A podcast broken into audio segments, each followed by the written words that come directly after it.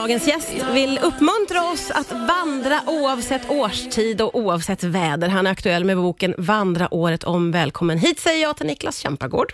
Tack. Du, eh, vi vet ju att de senaste åren och kanske främst under pandemin så är det fler och fler som har hittat naturen och hittat vandringen.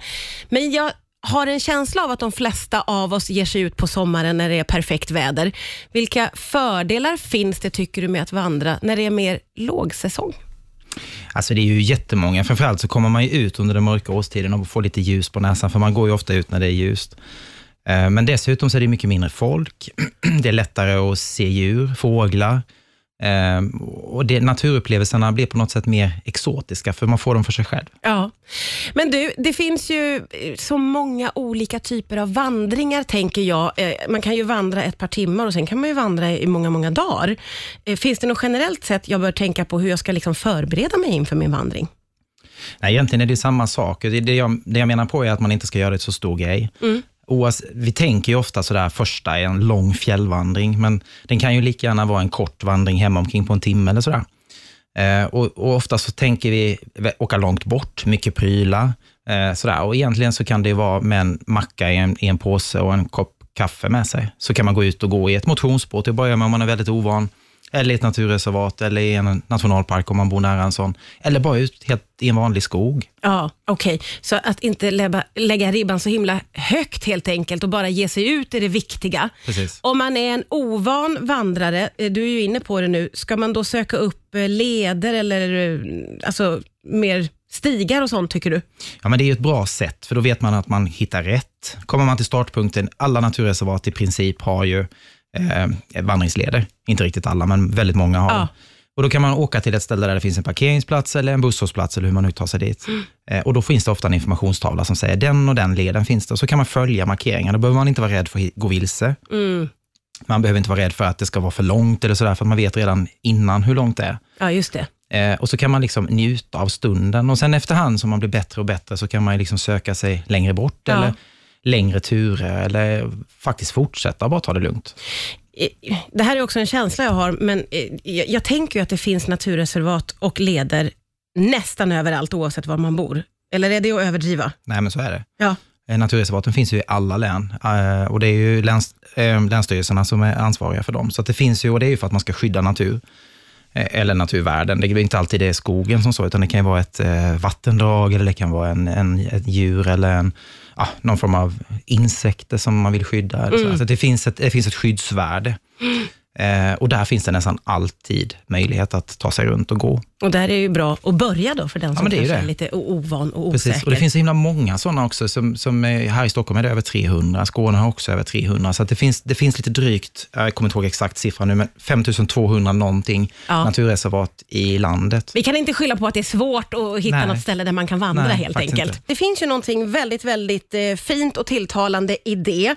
Eh, samtidigt som jag måste säga att jag ju förknippar november med oh, grått och regn från sidan och man är inte så sugen på att gå ut. Hur ska man tänka kring det där då? Nej, så är det ju. Det är vissa dagar som verkligen inte är roliga och de kanske man inte ska ge sig ut. Nej, då får man vara hemma. Ja, lite så, för att kanske annars blir man avskräckt. Nej, men det gäller ju att välja de bästa dagarna utifrån de förutsättningar man har. Man kanske bara har helgerna att tillgå. Eh, och då får man ju såklart välja den bästa dagen på helgen. Eh, har man möjlighet att vara ute på en, en vardag så är det mycket bättre, för då är det generellt mycket mindre folk ute. Ja, just det. Eh, och sådär. Så att jag tänker att välj dagar efter förutsättningar. Blåser det mycket, håll dig i, i skogen.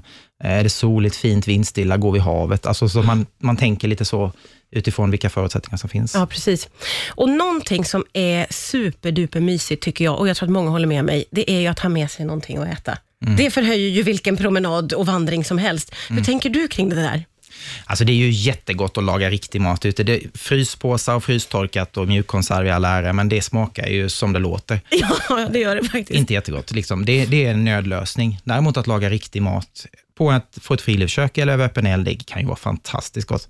Man kan till och med nästan glömma kryddorna hemma och det är ändå gott. Ja, det är ju väldigt gott Ja, att men äta det utomhus. Det är ju det. Ja. Sen är det ju det här att man behöver inte alltid krångla till det så mycket. Det kan ju räcka med att ha med sig en färdigköpt macka. Man kan ju köpa en wraps på vägen ut eller göra en egen.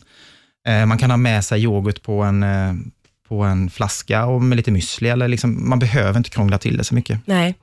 Och jag gillar ju din inställning väldigt mycket, det här med att det behöver inte vara så himla krångligt. Sen finns det ju många som älskar att krångla till det och som älskar att göra allting till en materialsport. Och om man vill det, så finns möjligheten även i vandring, gissar jag. Verkligen, verkligen. Och det är det som är så häftigt, kan jag tycka, att man kan ta alla steg. Man kan börja med det man har. Man kan till och med låna saker om man inte har grejer. Man kan ha sin skolväska, sin jobbväska, sina vanliga skor. De flesta har ju någon form av kängor eller någonting, alltså vinterskor eller så här, som man kanske kan gå i när det är lite blötare. Eh, och en jacka. Och Sen så kan man liksom känna att det här var ju verkligen min grej. Och så gör man det några gånger, så kanske man bestämmer sig för att "Nej, men jag ska nog köpa ett par bättre skor. Eller en bättre ryggsäck och så är det igång. Liksom. Men man kan ju hela tiden välja att stoppa. Det finns inga måsten, att man måste göra sådär. Nej.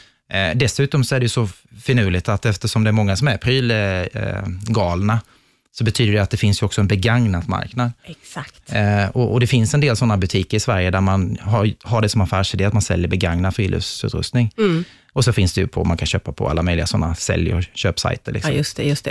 Eh, men man, man kan liksom lägga det på sin egen nivå. Ja. eh, utifrån- Precis som med vandringar också, då, att man Ja. kan göra en kort eller lång eller välja. Precis, Alltså, det, det. Mm. finns verkligen någonting för alla. Eh, jag blir ju så nyfiken på vad du själv har för favoritvandringar. Ja, men det är svårt det där med vad man tycker om. Det beror på var man är någonstans. Alltså jag tycker det är fantastiskt att gå i skärgården.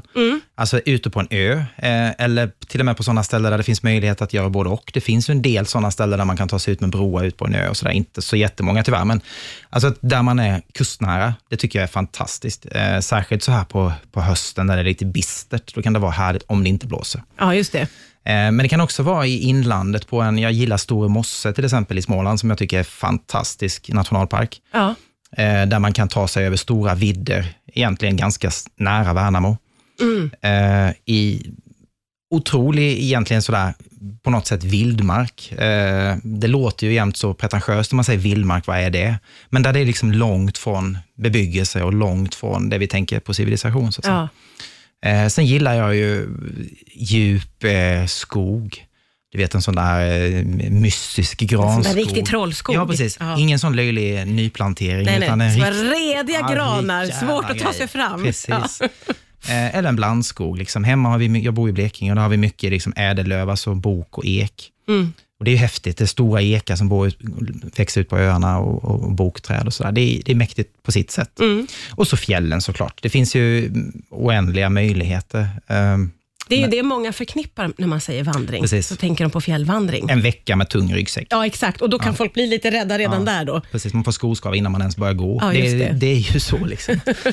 Eh, men men jag, jag tänker ju att om man börjar lite försiktigt och så utmanar man sig själv och till slut så kanske man hamnar där i alla fall på en fjällvecka. Mm. Ja, just det. Men då är man mycket bättre rustad. Man tar det lite pö om pö Precis. helt enkelt.